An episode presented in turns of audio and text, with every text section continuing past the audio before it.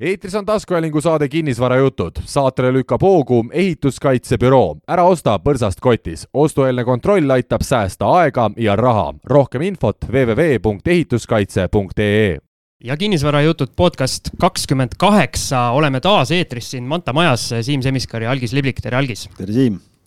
ja meil on täna suurepärane külaline taas, nagu meil alati on.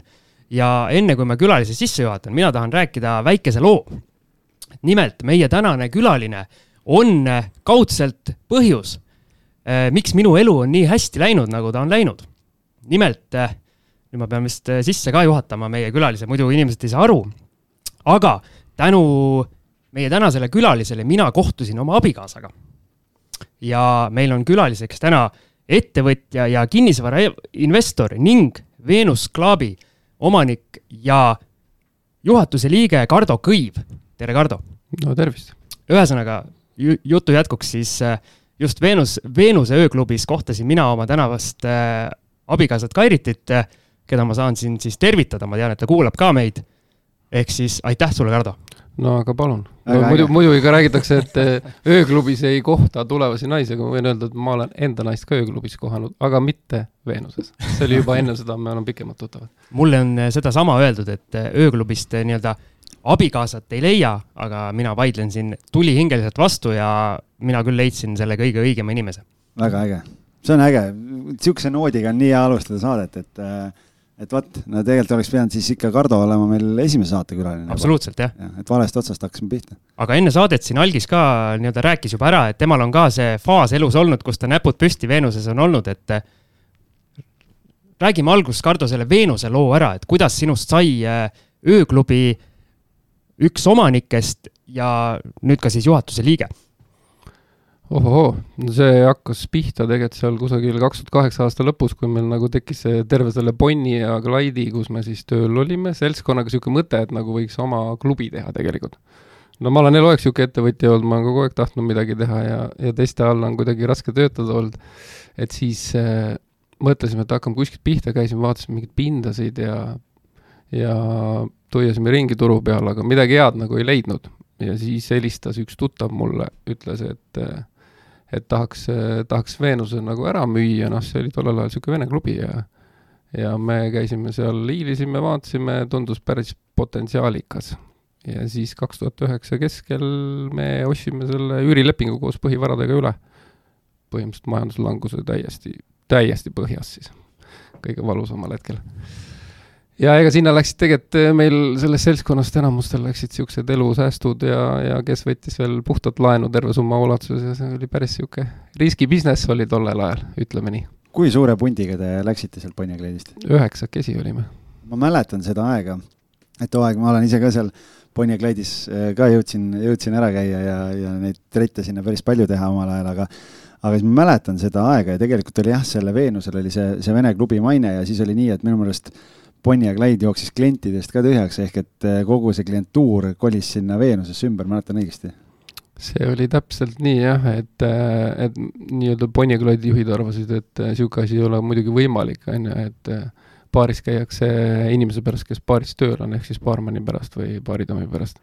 aga me nagu just vastupidi tõestasime, et täpselt nii see tegelikult ongi, et ei ole mõtet nagu liht, lihttöölise nagu Äh, seda maha tõmmata siis, et tema nagu, tema pärast tegelikult seal nagu käiaksegi ja, ja ega me oleme siiamaani ise tööl seal letis nii et äh,, nii et sa võid ka siiamaani käia rahulikult, ei ole üldse probleemi, meil on väga palju igasuguses vanuseklassis inimesi. ja noh, ma ütlen lihtsalt, et äh, elutempo ja kõik on täna ja kõik asjad on nii muutunud, et ma isegi, ma kuidagi olen sellistesse suurematesse olengutesse kuskile sattunud äh, korra aastas, siis ma mõtlen, miks ma siin olen, et ma kuidagi, kuidagi see minu jaoks on läbi, aga ma loodan, et noh, need järeltulevad põlved, kõik, kes siin meie järel tulevad, et eh, kõik nemad leiavad tee ja ma tean, et ega meie, meie nii-öelda vanusekaaslaseid siiamaani käib päris palju õnneks seal, kui antakse võimalus käia jälle.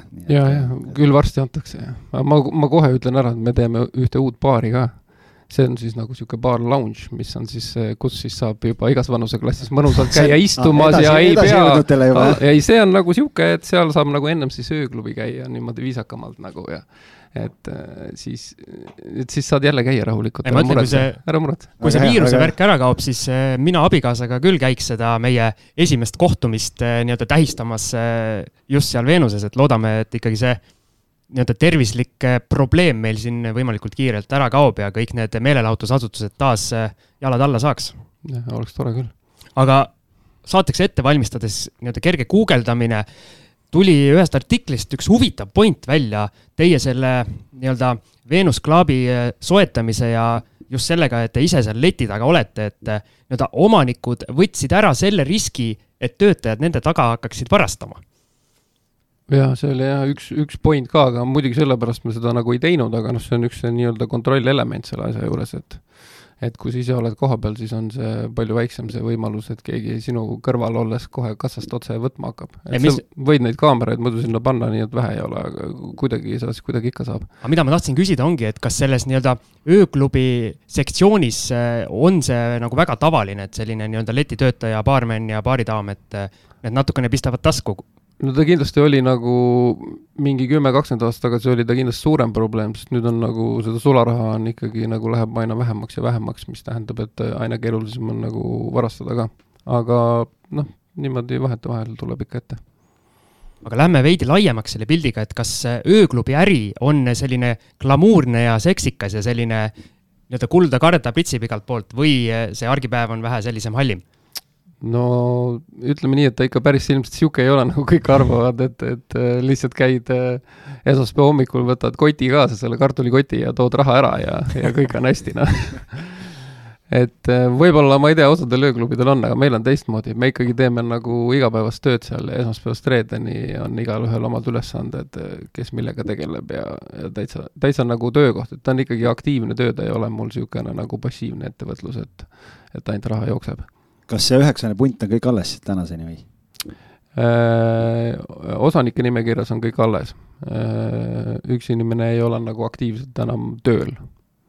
aga mis need nipid ja trikid on, kuidas eh, inimene enda klubisse saada? Mm, no me nagu alguses tegimegi selle, selle mõttega, et me teemegi endale töökohad, on ju, lähme nagu selle riski peale välja, et kui me oleme ise olemas ja meil kõigil on kliendibaas hästi suur, siis me ilmselt nagu suudame tagada endale mingisuguse normaalse inimeste nagu käibe sinna.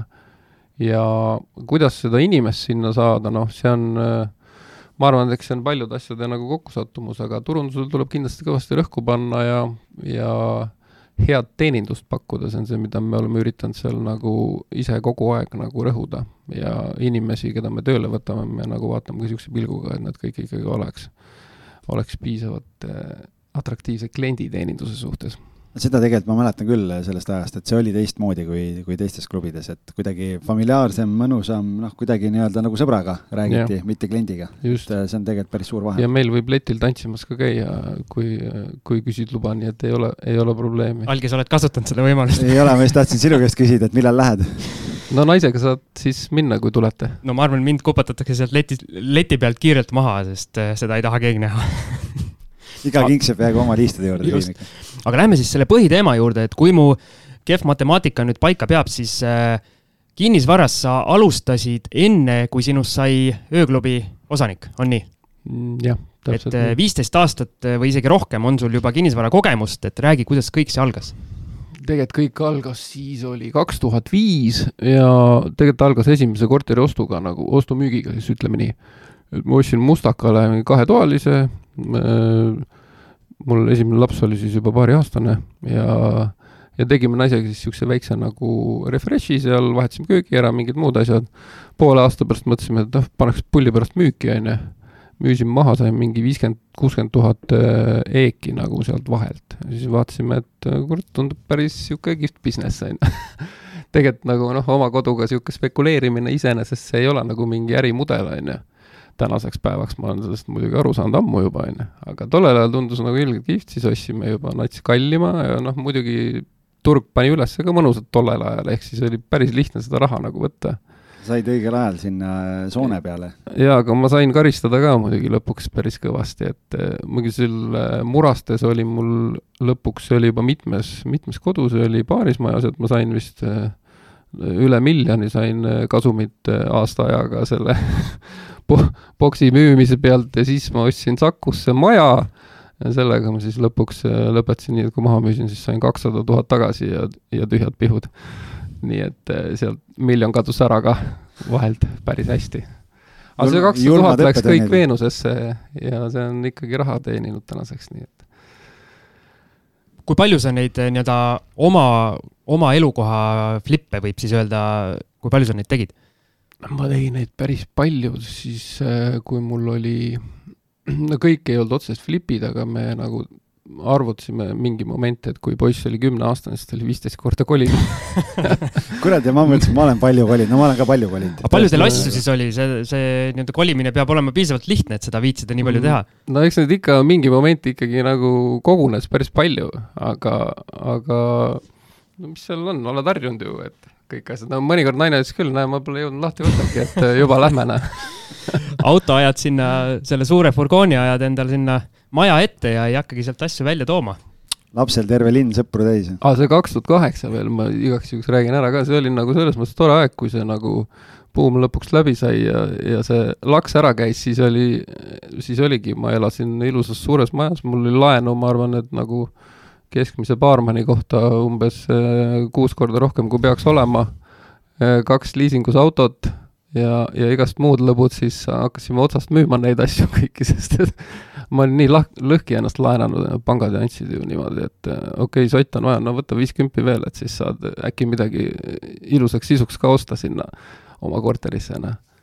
aga ei, lõpuks ikkagi saime sealt äh, rattast välja, tagasi. päris, hull tegelikult mõelda ikka, kuidas noh, kui, kui erinevad on ajad äh, praegusega võrreldes, et praegusel sisustuse jaoks enam ei anna keegi midagi, et jah jah, aga noh, kahekümne viie aastaselt, mis sa seal oskasid nagu arvutada, ise arvasid, et oled investor muudkui iga, iga lükega teenid jälle paarsada tonni ja siis on jälle mõnus, mõnus laenu võtta, et küll see pidu edasi käib, noh.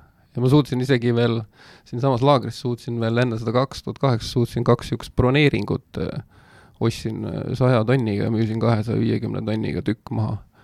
niimoodi, et maja oli nii, et polnud aknaidki veel ees, juba osteti ära, nagu sihuke korralik spekuleerimine, ikkagi täitsa õhu müümine. tundus, et see oli ikka hull metsik lääs, et mina sel ajal nii-öelda kinnisvaraturul ei olnud, ma ei tea sellest midagi aga noh, nii-öelda ma arvan, peavad ikka suured munad ka olema, et sa julged selliseid asju teha, noh, et ega igaüks, ma arvan, ei julgenud minna. või oli see nooruse rumalus ja uljus lihtsalt? ma arvan, et see oli mõlemad, et eh, eks need munad kasvasid selle koos selle uljusega seal eh, samas taktis. siiamaani mul on üks eh, krunt on seal kuskil Kiili metsas seisab ka veel, mis sai tollel ajal ostetud ütleme nii, et ega seda praegu kuskile müüa ei ole, selle eest nagu midagi suurt ei saa ka, siis see on niisugune, las seisab see pensionifond seal aga kuidas sa siis jõudsid eh, nii-öelda teadliku, ütleme siis teadliku investeerimiseni või millal sa hakkasid seda kinnisvara investeerimist tegema kui ettevõtlust enda jaoks? no tegelikult oligi nii, et kaks tuhat üheksa, kui me selle Veenuse ostsime, siis kogu mu raha läks sinna, ise me kolisime üürikorterisse ja siis äh, mingi aasta või poolteist sai nagu kogu rõhk pandud ainult Veenusesse ja siis kaks tuhat kümme teises pooles äh, ma hakkasin jälle nagu mõlgutama mõtteid, et nüüd oleks ikkagi vaja nagu hakata mingit portfelli kasvatama kõrvalt, et, et eluaeg ju ka ööklubis ei, ei tööta, on ju. ja siis, siis ma panin alguses, panin nagu paar korterit tegin nii, et kahe sõbraga nagu koos tegime seda flippi. ja siis ma tegin juba ühe OÜ, kuhu ma tegin ka ühe sõbraga koos, me siis vaikselt niimoodi raha sinna suunasime et sai, sai nagu neid flippe investeerida või flipidesse investeerida, aga noh, ma üks ja kaks tükki korraga, ega ma rohkem neid väga palju ei kannatanud teha, sest ma ei tahtnud nagu väga palju laenu võtta sellel ajal, kuna see alles värskelt olid põletada saanud, siis ei olnud väga kohe nagu käsi plaksutamas selle peale aga alustasid siis flip imisega selleks, et kapitali kasvatada? jah, põhimõtteliselt küll jah, ja oligi, esimese tegin nagu koos sõpradega, teise tegin juba firmasse, et teen nagu äh, selle ühe sõbra koos ja hakkan seda firmat nagu kasvatama. see firma on siiamaani alles, ma ostsin sõbra sealt välja mingi aeg, aga see konkreetne firma enam nagu kinnisvaraga ei tegele, mingi aeg läksin teise üle. ja, ja siis need, äh, ütleme alguses need flipid olidki mul oli alguses plaanitud nagu ainult flip imisega tegeleda, aga siis mingi hetk sain aru, et see, see nagu pikas perspektiivis äh, ainukese asjana nagu siis teed ikka mingi lolli otsuse, suudad ikka selle raha kuskile lõpuks ära investeerida. nii et. aga noh, selles mõttes selle nii-öelda flip imisega sa alustasid, kogusid seda kapitali ja nii edasi, et aga kui kaua sa seda flip imist siis tegid, et mille, millisel hetkel see arusaam tuli, et okei okay,, et noh, et peaks, peaks nüüd muutma ja mida sa muutsid siis? ma kaks tuhat kümme alustasin, ma jõudsin vist neli aastat teha, ma arvan, et seal oli mingi seitse, kaheksa, üheksa neid, ma päris täpselt ei ole kokku lugenud. ja, ja siis ma paningi selle raha vahepeal ühte restorani, ma ehitasin restorani koos sõbraga, on ju, tegime selle, sellega ma sain pärast päris kõva lossi muidugi. et äh, siis vahepeal natukene nagu jahtus see asi maha, aga mul ikkagi sügeles kogu aeg see kinnisvara on mulle nagu eluaeg meeldinud.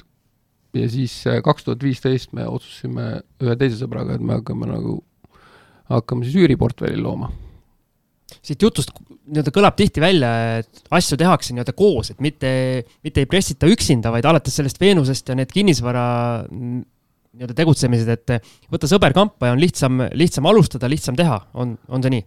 see on jah, et äh, ma arvan, et üksi seda nagu, ükskõik mis raha näiteks kas või kokku saada, ongi nagu keeruline. ja no teinekord tahad ikkagi mingi sõbraga nagu arutada ka, et kuidas see asi on, noh, kuigi mul see, kes mul praegu partner on, tema on nagu pigem passiivne, kuna ta käib kogu aeg palgatööl.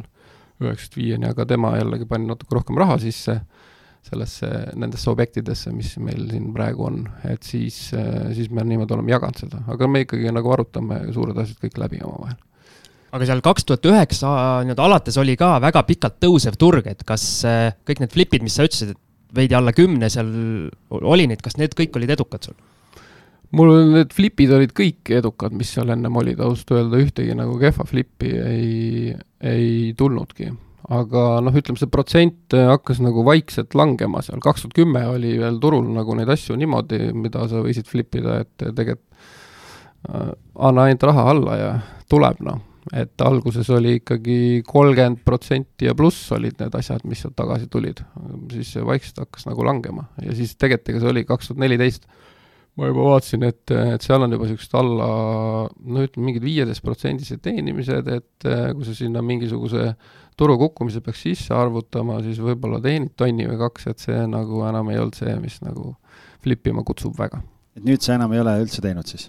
praegu ma ei ole jah, päris pikalt enam flip inud, ütleme ausalt nüüd on põllul minusugused, vaata, kes on sinna peole hiljaks jäänud, et, et mehed oskasid õigel ajal ära lõpetada aga flippimise puhul panid sa ise ka käed külge kuidagi, kas siis projekti juhtimisega või hoidsid kasvõi haamrit käes või puhtalt äh, objektide valik ja töömehed peale ja pärast müük? no põhimõtteliselt oli jah nii, et ma, haamrit ma käes väga palju ei ole hoidnud, ütleme nii jah, et ehitajad ikkagi tegid nagu tööd.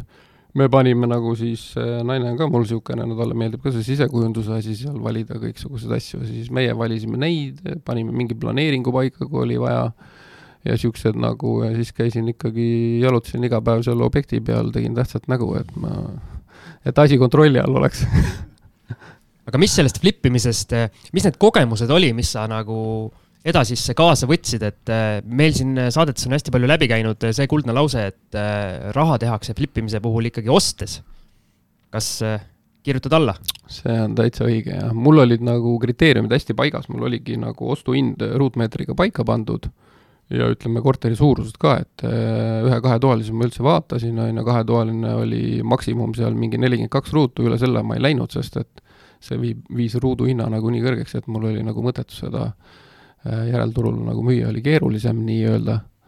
ja asukoht, protsent, palju mul endal kannatab teenida ja kõik niisugused asjad olid nagu paigas. et äh, et eks ma seda nagu õppisingi ja pärast ma, pärast ma võtsin paar, paar objekti juba Nõmmele ja niimoodi siis, siis oli aru saada, et noh, flip imise mõttes need olidki nagu juba keerulisem nendega nagu raha teenida. aga mis, mis need asukohad olid, kus sul need nii-öelda parimad, parimad tehingud olid? mul oli kesklinn ja Kristiine alguses. Need, põhimõtteliselt oli alguses oli ainult kesklinn ja pärast tuli nagu Kristiine ka sisse et, et need olid ikkagi nagu müügi mõttes oli kõige kergem müüa. Aga miks sa siia nii-öelda Nõmmele ühel hetkel siis vaatama hakkasid, kas seal no ma tegelikult olen Nõmmel üles kasvanud ise, on ju, ja ütleme, niisugust nagu suurt objekti oli juba päris keeruline leida, et kus oleks nagu piisavalt ühikuid sees. ja siis lihtsalt see konkreetne objekt sobis nagu kõikide asjadega hästi tänane turuolukord kusjuures on tegelikult sama selles mõttes, et tegelikult kui vaadata Nõmme turgu, et mul on Nõmmel üks äh, kahetoaline üürikorter, millele ma üürnikku otsin praegu ja, ja inimesed kõik, kes käivad seda korterit vaatamas, on eranditult on Nõmme inimesed, elavad kuskil lähedal ja ütlevad, et Nõmmel ei ole üldse häid pakkumisi ei ostmiseks ega üürile võtmiseks, et, et täiesti ikaldused ja kui on, siis on niisugused lillelised tapeedid ja vanad köögid ja noh, niisugune et ähm, pakkumisi vähe ja, ja enamus on ikkagi nagu väga kehva kvaliteediga, et tundub, et Nõmme on niisugune nii-öelda mitte tume maa, ma ei ütle, aga selline müsteerium natukene, et, et keegi väga sinna nagu ei trügi, aga teistpidi justkui nagu potentsiaali võiks olla äh,. aga, aga jah, et ta on aastate jooksul püsinud nagu muutumatuna suhteliselt, see turg seal siin on see asi, et siin on see välja kujunenud elurajoonid juba, väga vähe on seda juurdeehitamise võimalust, et see on ilmselt seda turgu siin nagu päris palju juhtinud ka nojah, nüüd on seal Nõmme turu piirkonnas tuleb neid uusarendusi sinna ühele poole ja teisele poole. kolm tükki korraga. jah, muidu Nõmmel ju oli pikka aega täiesti vaikelu, et äh, mitte midagi, muudes linnaosades kogu aeg majad kerkivad, aga Nõmmel ei tulnud jah midagi, et selles mõttes õige. aga mind ikka huvitab see, et sa rääkisid, et sa said, oli see Saku maja, millega sa põletada said? et nüüd kust tekib ikkagi see julgus paari aasta pärast äh, nii-öelda uuesti tagasi minna, et äh, hullud lossid on sisse võetud ja justkui peaks kuskile kivi alla peitu pugema? no tegelikult, kui sa nagu oled selle aja üle elanud ja hakkad raha, rahulikult tagantjärgi mõtlema, siis sa teenisid hulga raha enne seda, kui sa lossi said. Ja noh, lossi said sellepärast, et sa lihtsalt tegid lollilt, on ju, järgmine kord mõtled, et teed vähe targemini lihtsalt, muud midagi. Aga mis see lollus oli, mis sa seal tegid sellega, selle majaga, miks see, miks see kaotus tuli? no mul oli pigem oli võib-olla lollus see, et ma iga, iga kord ju, kui ma müüsin ühe asja maha, siis järgmine oli ikkagi uuem ja kallim ja suurem, mis ma ostsin kogu aeg. siis laen läks suuremaks kogu aeg, noh.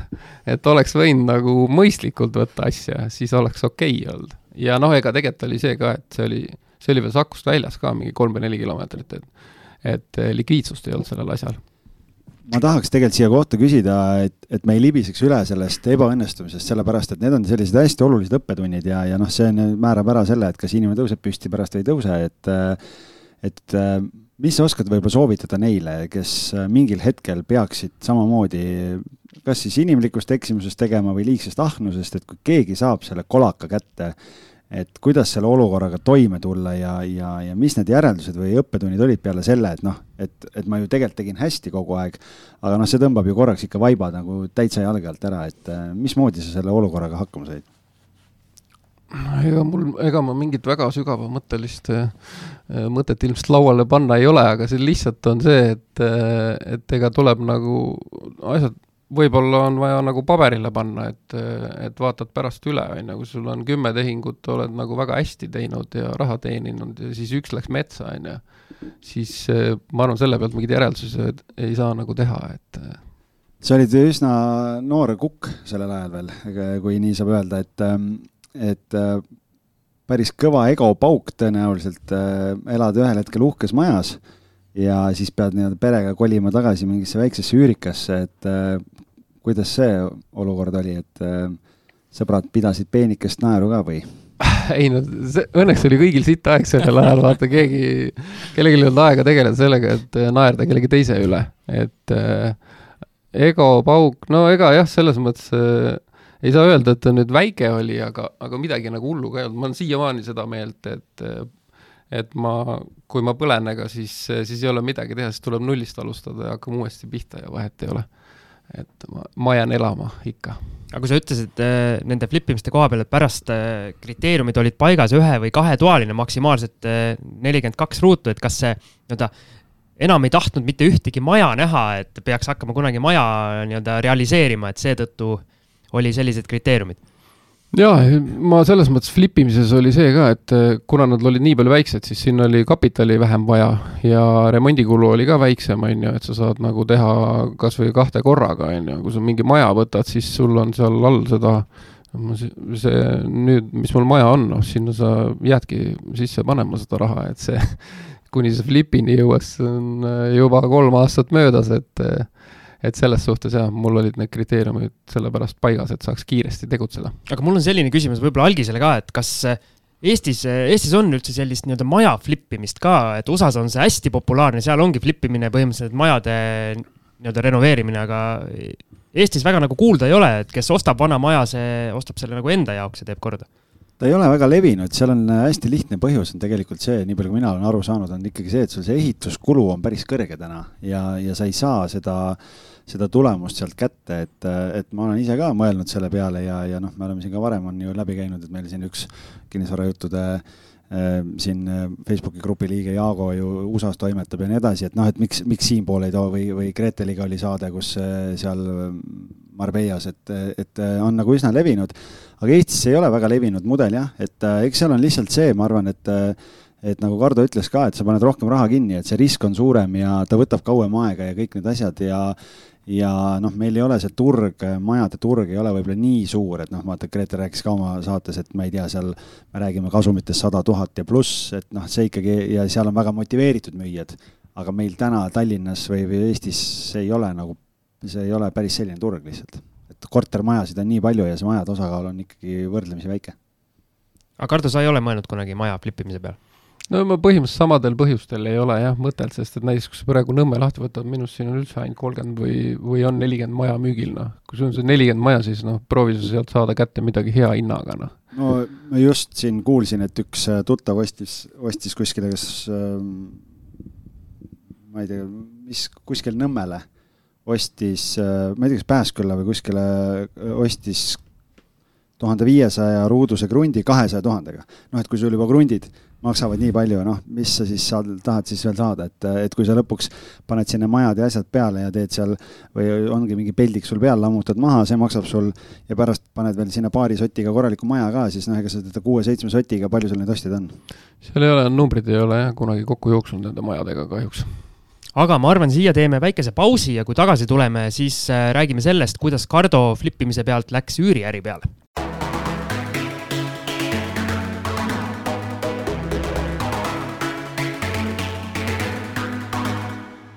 Väike vahekõll kuulatud ja lähme siis selle juurde, kuidas Cardost sai üüriinvestor flippimise asemel, et millal see muudatus toimus või millal sul peas see nii-öelda klõps ära käis, et midagi nii-öelda jäädavat peaks ka portfelli hankima, mis sulle rahavoogu hakkab äh, igakuist tooma?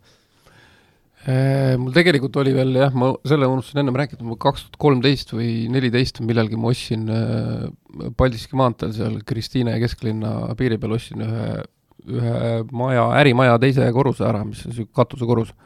see seisis mul mitu aastat vahepeal ja siis mõtlesime, mis sellega ka nagu päris pikalt teha.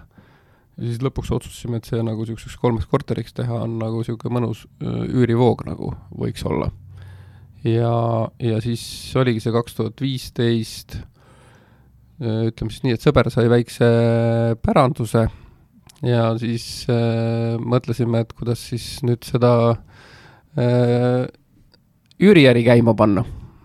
ja, ja suunasime selle tema päranduse siis äh, firmasse ja, ja selleks ajaks, kui me seda remonti hakkasime tegema, siis mul oli juba see äh, suur restoraniäri, mis ma vahepeal tegin, oli ka jutumärkides läinud sinnasamma ja sealt jäi ka mingi, mingisugune raha jäi üle, selle ma suunasin siis ka sinna firmasse, et saaks selle eest nagu remonti hakata pihta tegema. Ja tegelikult hakkasime suhteliselt nagu külma pealt pihta, et kus see esimene üüriobjekt siis oli, see Kristiine oma, tegite need kolm tükki valmis või tuli midagi? tegelikult me need, need jõudsime valmis alles hiljem, et me hakkasime pihta selle, ostsime siia sanatooriumisse, siitsamast kilomeetri kaugusel on see Vana Kannikese hotell. et ostsime selle ära, mis oli eriti nukras seisus, mingi seitse või kaheksa aastat eh, oli seisnud siin ja kunagi oli litsimaja, see vist isegi kõik räägivad siin, on ju. kusjuures mina olen kunagi, mul isa käis seal õlut joomas ja, ja mina olen seal mingite vanade meestega malet mänginud ja ma olin enne, enne kooliaega väidetavalt, ma ise ei mäleta, olin malekeenus olnud ja kõikidele nii-öelda kõrtsis meestele pähe teinud ja tänu sellele sai isa kogu aeg tasuta õlut. ma tervitan isa ka siin, aga enam ma malet ei oska mängida ei, see oli, seal oli kunagi, oli ta, algusest oli väga nagu kihvt eh, hotell ja seal oli väga töötav mingi pubi, kohvik, mingi asi, seal käidi väga palju tiksumas, aga lõpuks läks ta nii, nagu ta läks seal, et. kui suur see maja on? see maja on seal, ütleme praegu meil on seal viissada viiskümmend ruutu üüripinda. ja kogu maja ostsid ära, ütlesid nukras seisus, saad sa rääkida ka nendest hindadest või? Mm,? saan ikka jah, ega mul kahju ei ole. jätame selle boonusosa jaoks. võib-olla jätame boonusosa jaoks meie kuulajatele. Teie ütlete. jätame boonusosa jaoks. jätame boonusosa jaoks patreon.com kaldkriips kinnisvarajutud, sealt siis saate boonusosa kuulata, aga aga no sa võid ostuhinna ikka öelda, et mis hinnaga te kätte saite selle maja? kakssada kolmkümmend tonni. ja tol hetkel oli see nii-öelda hea diil, ma saan aru? ta oli ikka hea diil jah, seal on, seal on kuusteist korterit ja, ja kohvikupind, et kuusteist korterit kahesaja kolmekümne tuhandega pole paha. aga ma saan aru, see oli siis nukras seisus, et kus te nii-öelda alustasite sellega või kui sa nii-öelda esimest korda läksid sinna objektile selliselt, et see sinu oma oli, kas tuli natukene selline melanhoolia ka peale, et nüüd tuleb hakata nii-öelda tööd tegema? kõigepealt alustasime sellest, et me tegime sinna väikse katlamaja sisse ja, ja tõmbasime mingid torud ja muud asjad ja siis panime kütte sisse ja neli kuud kütsime, sellepärast et seal ei olnud seitse aastat keegi midagi kütnud, see oli päris noh, see ei olnud nagu okei okay seal, mis seal see värk oli.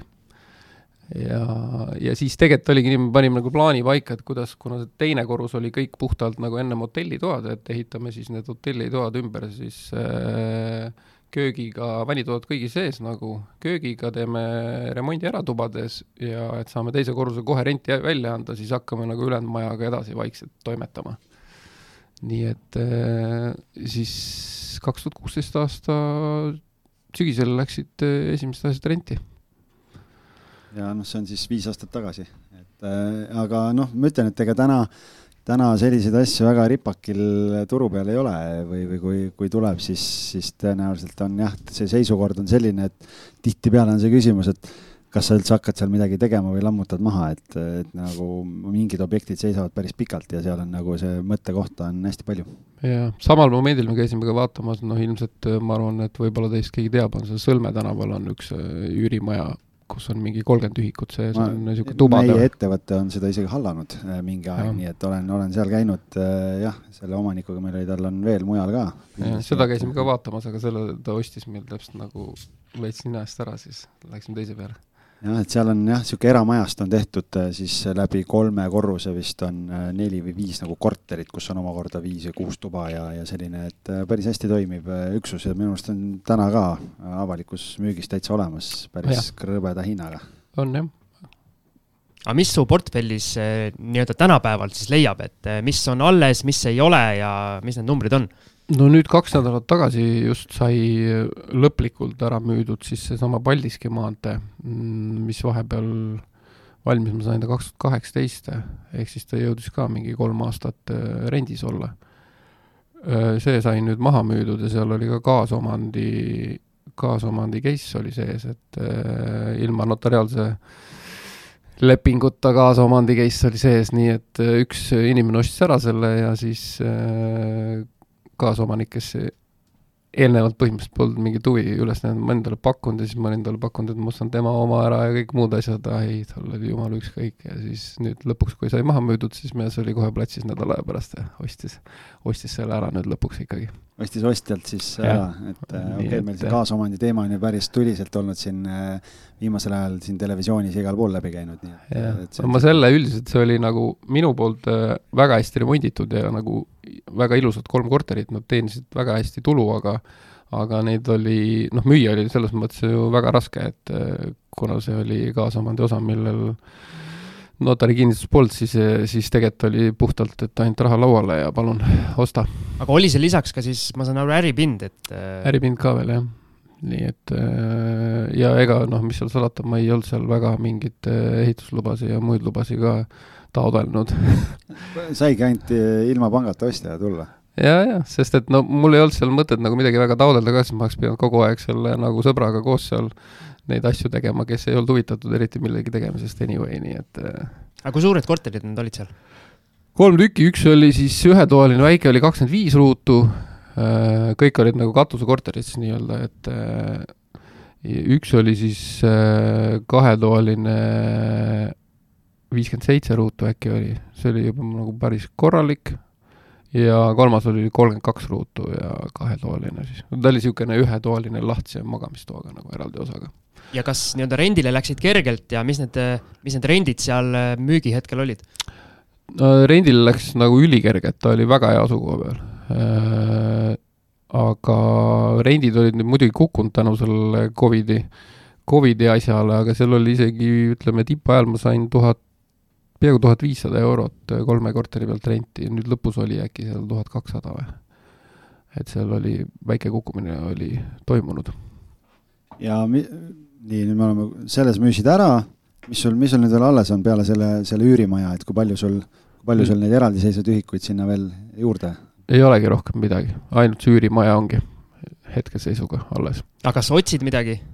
ma tegelikult nagu, miks ma selle ära ka müüsin, oli sellepärast äh, selle Paldiski maantee, et äh, mul oli seal ettevõttesse sisse võetud niisuguseid äh, väiksemaid võlaotsasid, millega äh, millega ma seda sanatooriumi tänava nagu kolmanda korruse nagu ehitust äh, seal lõpetasin, siis äh, ma tahtsin nagu võlakoormat veits väiksemaks saada, et äh, saaks rahulikult hingata vahepeal, siis siis nüüd on, nüüd on nagu vähe, vähe mõistlikum ja nüüd ütleme, ma otsin küll mingi aeg midagi, aga, aga ma ei kiirusta väga aga räägime korra sellest nii-öelda võimendusest, et siin see laenuraha on nii-öelda korduvalt jutuks tulnud ja oleme aru saanud, et sa väga ei karda nii-öelda laenuraha kaasata, et aga kas vanusega võib-olla lähed nii-öelda inimesena natukene võib-olla selliseks nii-öelda konservatiivsemaks ka, et enam nii suurt laenu peale ei taha võtta?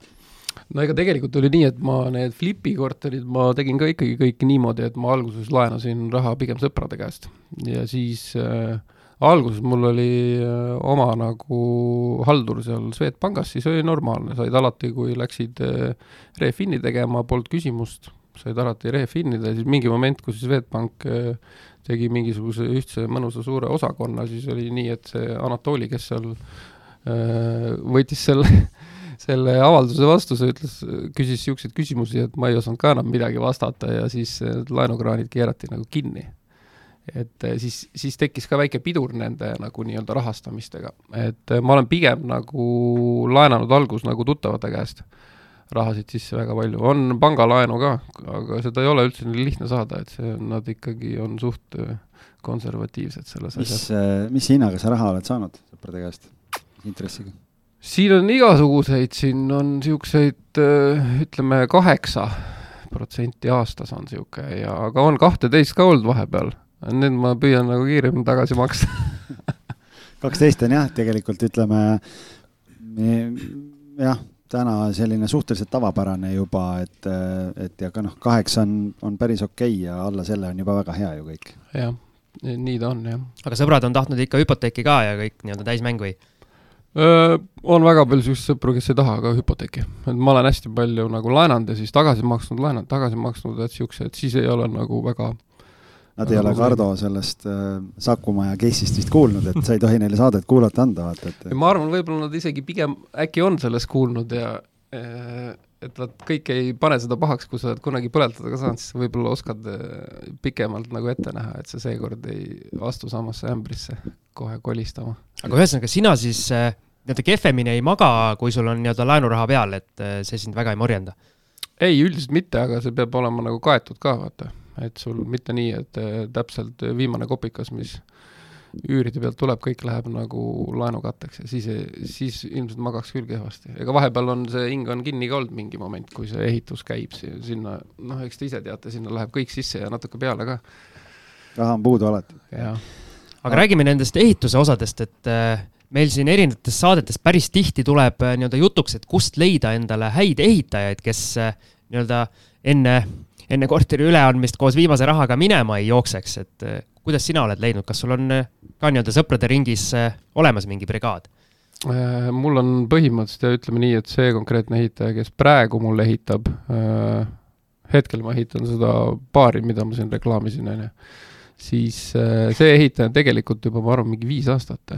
ta on mul väga palju erinevaid asju teinud ja ta on väga usaldusväärne, temaga on nagu jube hea lihtne teha, aga vahepeal oli tal muidugi nii kiire, et ta nagu ei, ütles nagu ma teen sul mingi poole või kolmveerand aasta pärast, ma ütlesin, no kuule, mul ei ole aega oodata nii kaua. ja siis mu, siis mu vahepeal oli üks teine ehitaja, see nüüd äh, lõpuks ikkagi jooksis nii kinni ära, et, et ma sain seda, seda sanatooriumi ülemist korrust sain ehitada siis, seal on nagu viis korterit, äh, sain ehitada noh, pidi niisugune pool kuni kolmveerand aastat minema ehituseks, lõpuks läks kaks või kaks pool, sellepärast et üks ehitaja pani nagu minema ja võttis hulka mu närvirakke kaasa sinna. lisaks rahale võttis närvirakud ka? jah, et äh, ja nüüd siis see sama minu ehitaja, kellel siis vahepeal, kui see koroona jälle peale tuli ja tööd natuke vähemaks jäi, tema siis tuli lõpus siis rahvakeeli öeldes äh, tegi selle pasa kõik korda, mis seal oli. aga kuidas äh, nii-öelda leida endale ehitajat, sa nüüd nii-öelda korra oled orki lennanud, et kui sa tagantjärele vaatad, mis sa valesti tegid? Eks ma tegin seda valesti, et ma võib-olla liiga palju usaldasin teda nagu, et aga ta samas ta oli nagu teinud äh, ühe objekti mul normaalselt nagu ära, teises kohas ka mingid töid, et ei olnud nagu põhjust ka mitte usaldada, et ega see vist alati lõpuni ei olegi päris võimalik ka, tundub nii, aga noh, neid ehitajaid leida no ma käisin ka seal kunagi nendel koolitustel hästi palju äh,, siin äh, Roosaared ja kes seal tegid need, Peeter Pärtel ja need tegid neid koolitusi, et, et tegelikult selle konkreetse praeguse ehitaja kontakt on sealt tulnud, ütleme ausalt. aga investorid ju ei taha väga oma ehitajate kontakte anda no jaa, ega ütleme nii, et ma praegu teda siin reklaamima ei hakka, sellepärast siis ta ütleb mulle jälle, kuule, oota kolmveerand aastat.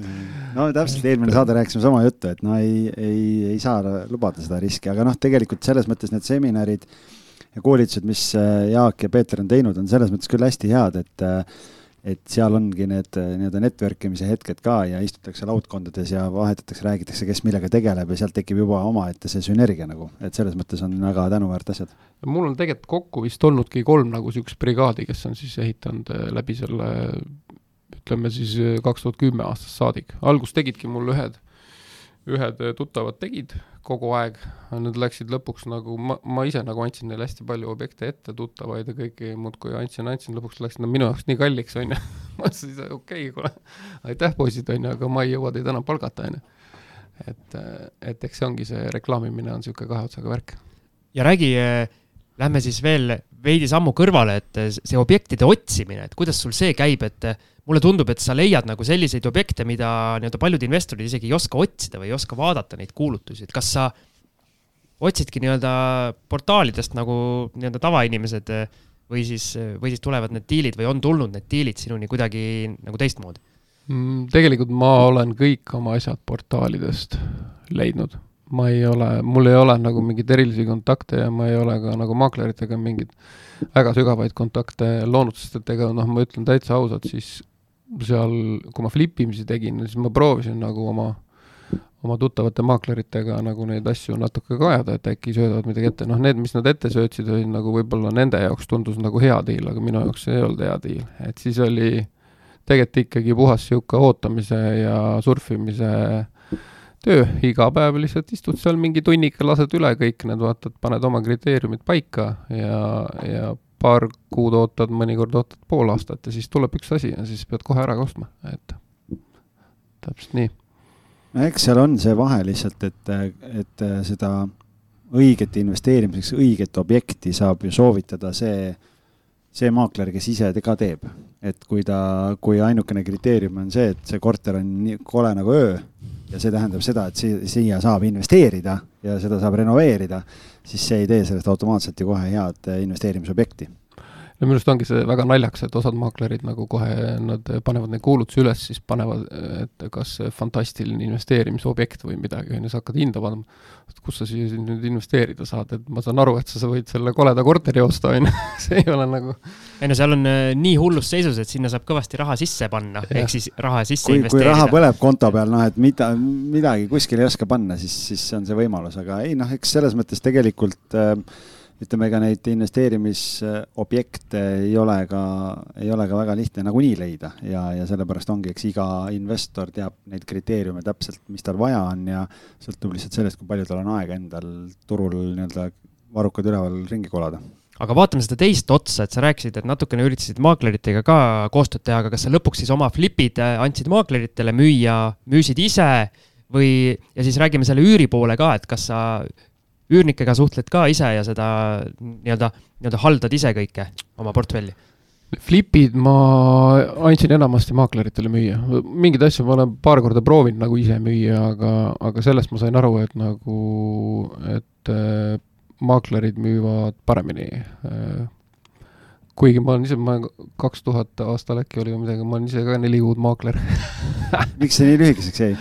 No see oli täpselt sihuke aeg, et ma ütlen ausalt, mitte keegi ei ostnud mitte midagi, keegi ei müünud ka mitte midagi, turg täitsa seisis. ja need ainult need vennad, kes olid juba kümme aastat maaklerid olnud seal alates iseseisvumisest, need vennad tegid tööd, ülejäänud vennad istusid niisama ja kuna sa saad ainult palka selle pealt, et, et sa läbi müüd, siis, siis polnud enam midagi aga inimesed teha. baaris käivad kogu aeg õlut ja viina võtmas, on ju. eriti no, rasketel no, aegadel no,. rahavoog on nagu niisugune vähe stabiilsem aga jaa, ei need flipid ma olen jah reeglina ikkagi andnud, mul on nagu omad maaklerid olid mingi aeg, kellega ma nagu hästi palju koostööd tegin äh,. pigem ütleme, olidki kaks tükki. ja, ja siis äh,, siis oli lihtsam, et need asjad juba läksid kiiresti nende kätte ja neil oli oma turg olemas, läks kohe kiiresti müügiks. aga ma küsin vahele, et sa ütlesid, et äh, maaklerid müüvad paremini kui sina, et millest see vahe sinu jaoks nagu sisse tuli?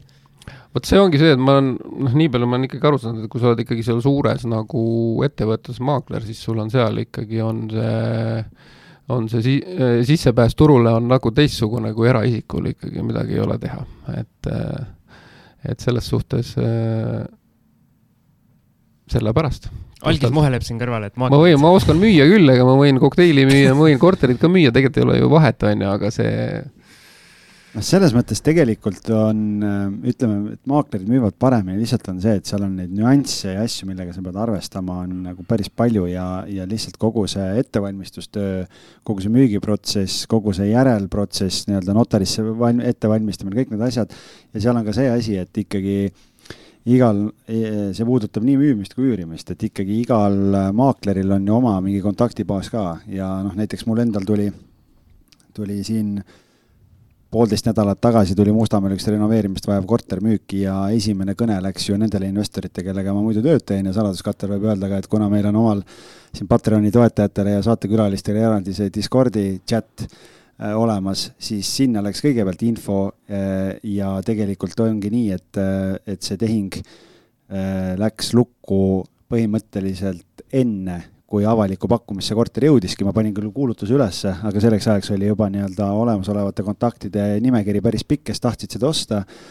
ja, ja, ja nii et, et sellepärast nii-öelda see tuleb lihtsalt kasuks ja, ja üüriobjektide puhul samamoodi, et kui, kui mul tuleb mingi klient vaatama mingit viiesaja eurost korterit ja talle see korter mingil põhjusel ei sobi, siis nad tihtipeale küsivad, et kas sul on midagi veel pakkuda selles hinnaskaalas ja siis ma saan ta viia teise korterisse ja ja uusarenduste puhul ka, et kui Kardo tuleb, ütleb mulle, et kuule, mul on vaja kolmetoalist, on ju, tuhat kuni tuhat kakssada on see hinnavahemik ja kui mul on siin äh, ühel kliendil on ju erinevates uusarendustes on päris hulk kortereid, siis ma lähen, võtmekimp on käes, ütlen, et see on bufee, et ise saate valida, milline teile kõige rohkem meeldib ja, ja osad nendest pakkumistest ei ole isegi avalikus äh, portaalis üleval veel.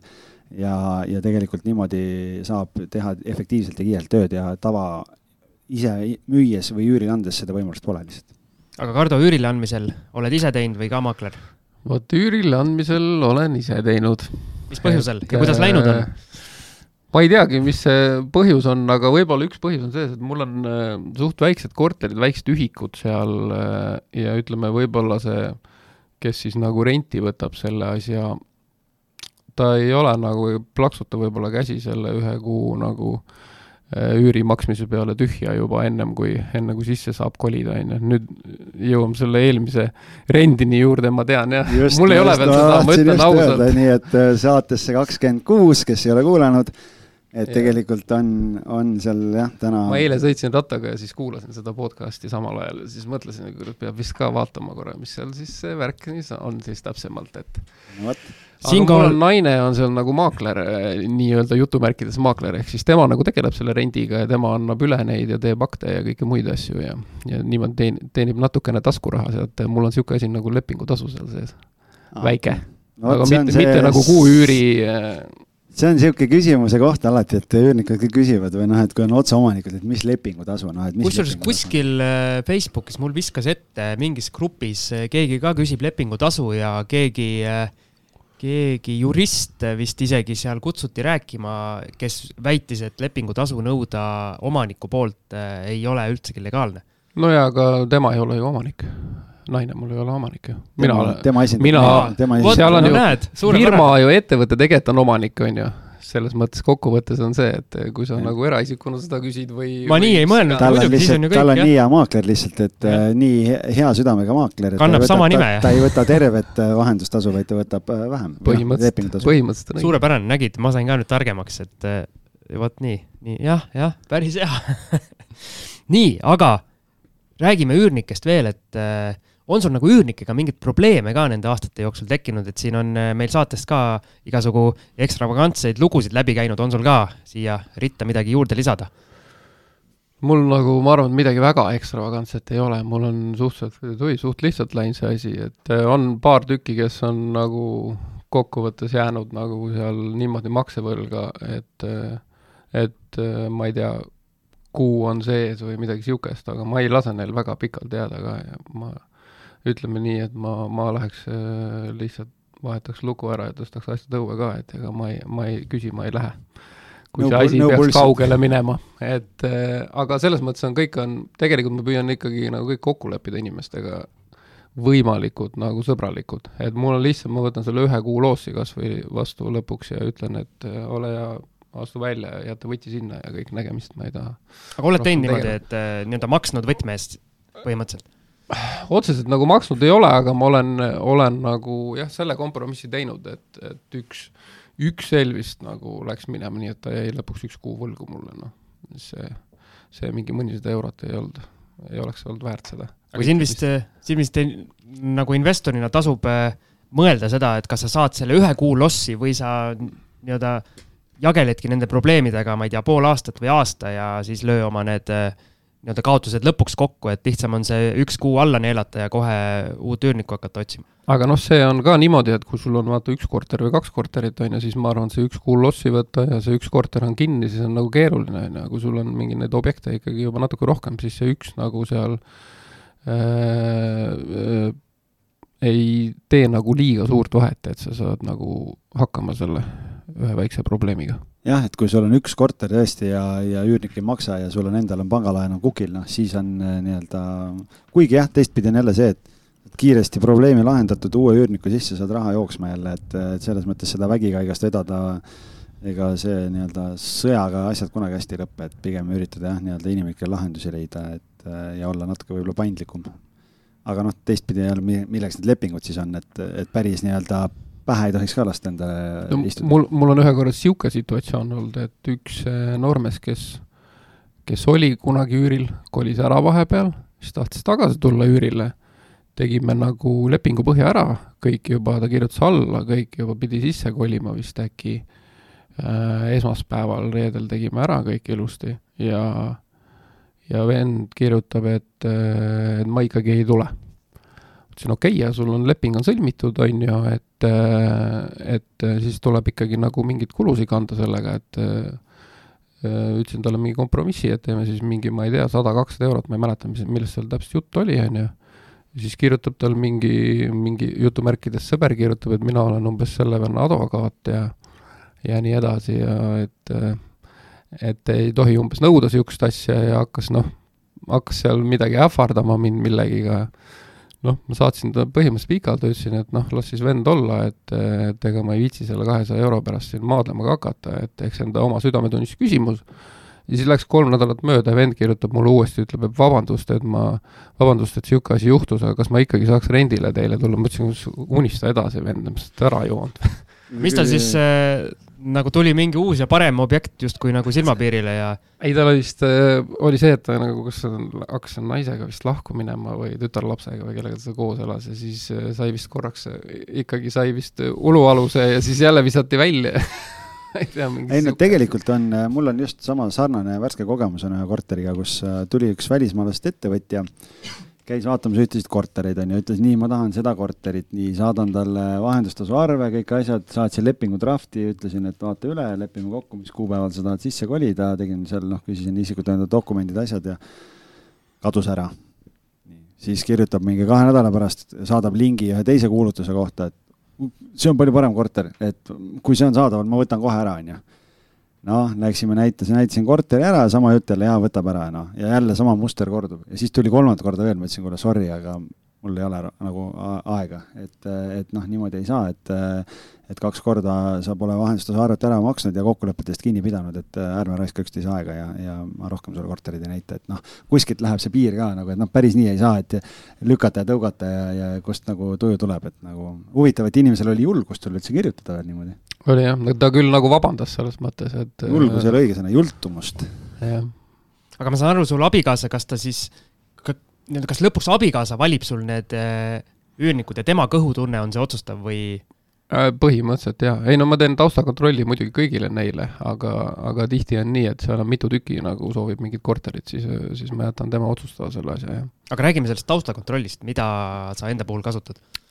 No ütleme nii, et ega ma äh, krediidiinfost ma lasen muidugi kõik läbi, aga, aga siis on, siis vaatan lihtsalt nagu Google'i ja niisuguse asja ka läbi, et, et tihti on nii, et sealt võib ka mingi üllatus äh, tulla, kuigi nagu krediidiinfos on kõik hästi, et leiad mingi vana asja sealt Google'ist kuskilt. aga mis need punased jooned sinu jaoks on? okei okay,, krediidiinfos see nii-öelda mingi maksehäire, et see on vist automaatselt, eks, aga mul on tegelikult praegu üüril üks kutt, kes on krediidiinfos on punases, aga, aga tal, tal näiteks äh, isa nagu kostis tema eest ja, ja noh, läbi sõbra kuidagi tuli see asi, siis ma ütlesin okei okay,, et panime isegi lepingusse sisse, et ta on äh, käendaja mm -hmm. nii-öelda, et siis on okei. Okay.. mul äh, väga huvitav case värskelt just ühele korterile käis üks meesterahvas, käis vaatamas, ülikorralik, hea korralik töökoht, kõik asjad olemas ja ja ma ütlesin, noh, et mul on vaja taustakontrolli asjad ära teha, saatis kõik dokumendid, asjad, lükkan, teen taustakontrolli ära, jookseb sisse, et tal on aastast kaks tuhat viisteist on inkassos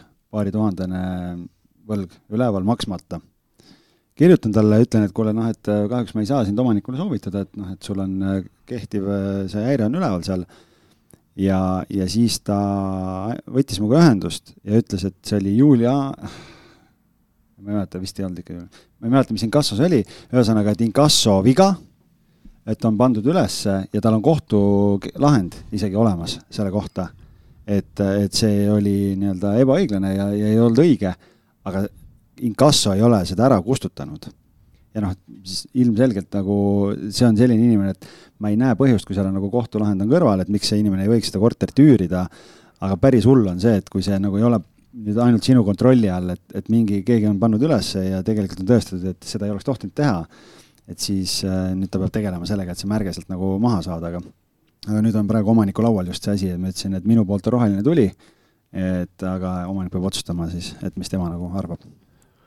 jah, ega selle, ja selle üürimisega ongi nii, et ega seal päris tihti tuleb ka nagu kõhutunnet tulebki kasutada, sest et, et tihti on nagu kolm tükki tunduvad suht toredad üürnikud, aga, aga ikkagi nagu ikkagi tuleb kedagi välja valida. no siis mängib see kõhutunne, ma saan aru. ja noh, naistel on parem kõhutunne ka nendes asjades. Siim, vot sulle siin ka siis, et kui sa head professionaalset äh, maaklerit üle laua endale ei taha võtta, et siis sul on kodus üks hea kõhutundega inimene. on, on aga no maaklerit ma ikka ei võta ju. no vaata, tal sellepärast juba, noh, kuigi tema, sinu abikaasa kõhutunnet äh, selles mõttes, et noh, kui ta sellise mehe Veenusest välja valis endale, et noh, siis see võib olla nii ja naa. kõikide nende tuhandete hulgast seda küll, jah ja.. sellega ma pean nõustuma, et äh, võib-olla ei läinud kõige paremini temal. no minul see-eest läks nii. noh, just, et ühe õnn on teise õnnetus. aga Kardo, sa nii-öelda pika nii-öelda kogemuse ja laia kogemusega kinnisvarainvestor, mida sa soovitad nendele inimestele, kes kuulavad meie saadet ja, ja tahaks ka kuskilt äh, alustada või midagi teha, et äh, mismoodi, mismoodi see nii-öelda ratas enda jaoks äh, lõpuks veerema panna? see on suht hea küsimus, et et eks seal äh, alguses ilmselgelt äh, on mõistlik teha rohkem kui nagu üksinda hakata pusima, et teedki kahe-kolmekesi ja, ja ja võtad ja sõpradega kas või teed ja, ja arutate läbi ja püüad seda nagu, hakka ikka väikselt pihta ja püüa seda protsessi nagu nii-öelda õppida nagu sellest protsessist võimalikult palju. et äh, kohe niisuguse kahekümne ühikuga üürimaja ma ei soovitaks osta paugust eriti sellist, mida seitse aastat köetud ei ole. jaa, see on veel jah, teine teema. aga jah, et, äh, et ega noh, mulle nagu meeldib see protsess ise, nagu ma algusest peale olen seda nautinud kogu aeg, see mulle meeldib, kui ma ehitan mingi asja valmis ja siis inimesed saavad sinna elama minna ja ta on kihvt ja ja, ja siiamaani on paar tükki, ma tean, nende flipidega, mis ma tegin, ma tegin alati nagu hästi kvaliteetse remondi, isegi seal paneelmajas soojustasin korralikult kõik seest ära, et ikkagi oleks nagu inimesel nagu hea elada, panin pigem rohkem raha sisse, et, et nagu ja siis ma olen näinud neid niisuguseid noh, niisuguseid mõnusaid renoveerimisi ka, on ju, kus ainult sein ära värvitakse, et et minule nagu süda annab rohkem äh, pärast magada, kui see remont on hästi tehtud ja sa oled hea asja maha müünud. näiteks see on üks asi, mida ma soovitaks kõigil teha. jõuame eelmise saate juurde tagasi, et äh, tuleb teha nii, nagu sa, et sa teed enda jaoks. Siis pärast saab rahulikult magada ja ei pea Selveris ja. pärast tehingut leti taha peitu jooksma, kui ostjaga kokku põrkad. jaa, täpselt jah, et ei tasu seda et võid küll, need ilmselgelt sa pead numbrid panema paberile, aga iga viimast kopikat ei tasu nagu kokku hoida, et eh, kui sul on valida, et kas sa lähed eh, teed ilusa uue korteri ja siis ostad saja viiekümne euro eest selle kasutatud mingi juustudiivani sinna sisse või siis ostad kahesaja viiekümne eest uue, siis mine osta see uus parem, noh. võta aga, see sott. Aga sa siin oled korduvalt rääkinud oma või sellest, et nii-öelda sõpradega koos teha, aga kuidas äh, leida need sõbrad, kes on usaldusväärsed, äh, mitte nendega tülli minna kogu selle protsessi jooksul ja kas äh, see on üldse oht?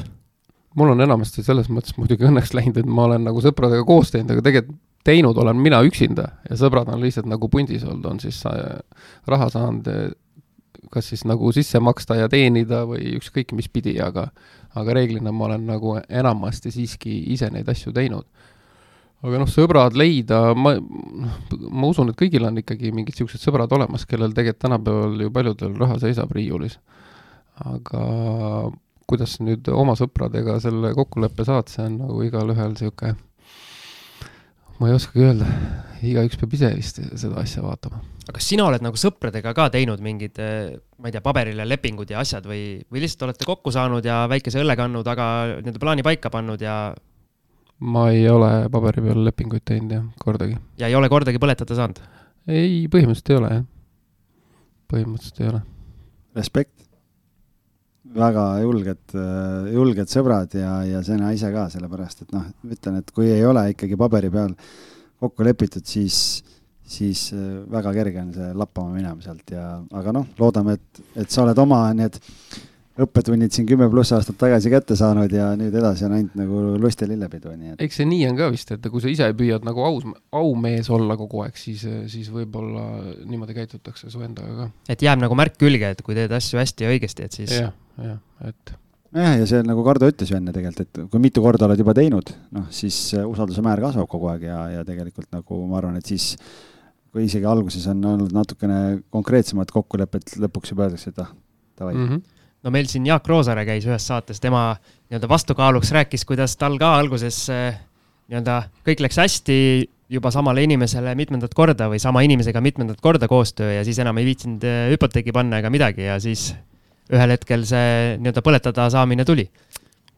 see on muidugi võimalik jah, ei, ei ole välistatud. mina ise jah, mina olen niisugune paberimäärija, bürokraat. bürokraat, nagu me siin oleme varem ka rääkinud, et mina ikkagi ise jah, soovitan, et äh, tehke ikka lepingud ja et oleks nagu, siis on kindlam, et äh, parem karta kui kahetseda. no Jaak rääkis muidugi sellest, see on laenuäri, vaat see on natuke niisugune ka, et ega seal väga muud varianti sul ei ole, kui sa ikka suuri summasid annad ja ilma tagatiseta, siis on, siis on vähe teine lugu. aga kas meil jäi midagi rääkimata, mida sa kindlasti tahaksid rääkida, mida me ei osanud küsida? tuu-tuu-tuu. isegi praegu, praegu ma ei, kohe, kohe paugust ei tule midagi. aga, aga ma siin meie kuulajatele ütlen, et äh, nagu te aru olete saanud, siis Kardo on meie saate püsikuulaja ja ma saan aru, nii-öelda sporti tehes on kõige parem kuulata või? sporti tehes on ka väga hea kuulata jah, ja ma käisin just hiljuti, olin äh, natuke aega Hispaanias äh, rattalaagris, siis, siis isegi seal oli päris mõnus kuulata, üksi käid, sõidad ja paned kõrva ja lased ja mõnus. palju rattureid kinnisvarajutte Eestis kuulab? no ma ei, isegi ei oska seda niimoodi öelda, aga ma arvan, et seal ikkagi on neid, ma usun.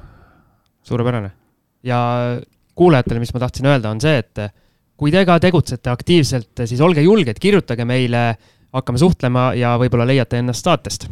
ja sellepärast, et äh, meil on ju siin äh, kuulajate hulk kasvab ja Facebooki grupis inimeste hulk kasvab, nii et äh, et me oleme Siimuga algusest peale üritanud katta erinevaid segmente, erinevaid Eestimaa nurkasid, erinevaid ameteid nii et, et kui, kui sul on täna kinnisvaraportfell või mingi kogemus, mida sa tahaks teistega jagada, siis, siis äh, võib julgelt kirjutada ja vaatame, äkki saame tõesti stuudiosse kutsuda. jah, sest meil on väga hea meel äh, nii-öelda kutsuda stuudiosse just inimesi, kes aktiivselt põllul tegutsevad, muidugi nüüd nii-öelda pärast Kardot sellise nii-öelda glamuurse ööklubi omaniku nišš on täidetud, et seda on väga raske ületada.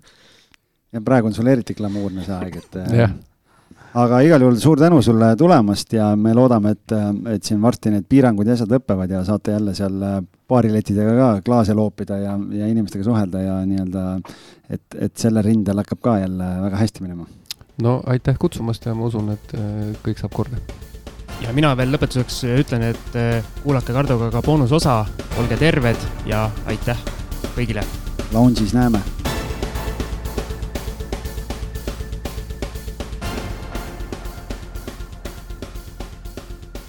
kinnisvara ostueelne kontroll aitab säästa aega ja raha. vaata lisa www.ehituskaitse.ee